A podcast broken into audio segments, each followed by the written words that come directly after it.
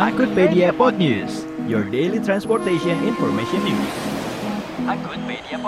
Halo transporter, Angkutpedia Pod News kali ini bersama Iyo Baswara. Dikutip dari indozone.id, menyebarnya varian Omicron hampir di seluruh dunia membuat negara-negara gencar memberikan vaksin COVID-19 pada anak-anak hingga lansia. Bahkan di Israel telah memberikan vaksin dosis keempat bagi warga yang memiliki risiko tinggi terhadap virus corona. Jika umumnya vaksinasi dilakukan di puskesmas atau bahkan di sekolah untuk para murid, tapi berbeda dengan di Jerman. Tempat vaksinasi dilakukan di tempat yang tak biasa untuk menarik perhatian anak-anak. Jerman mengalihfungsikan pesawat Airbus A300 Zero G menjadi tempat vaksinasi anak-anak yang berusia 5 hingga 11 tahun.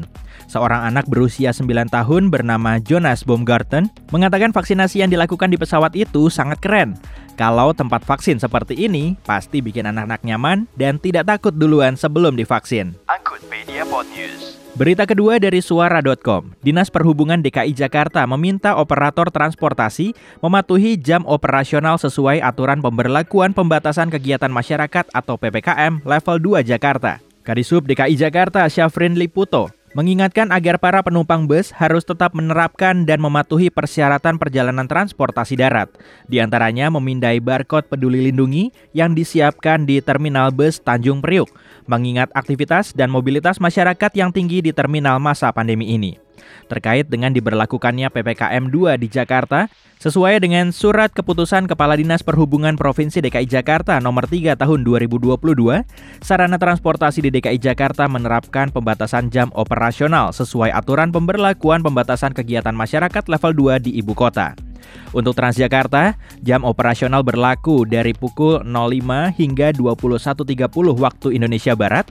Setelah itu berlaku jam operasional angkutan malam hari atau AMARI hingga pukul 22.30 waktu Indonesia Barat. Lalu untuk angkutan umum dalam trayek, lintas raya terpadu atau LRT dan moda raya terpadu atau MRT hanya beroperasi dari pukul 5 hingga 21.30 waktu Indonesia Barat.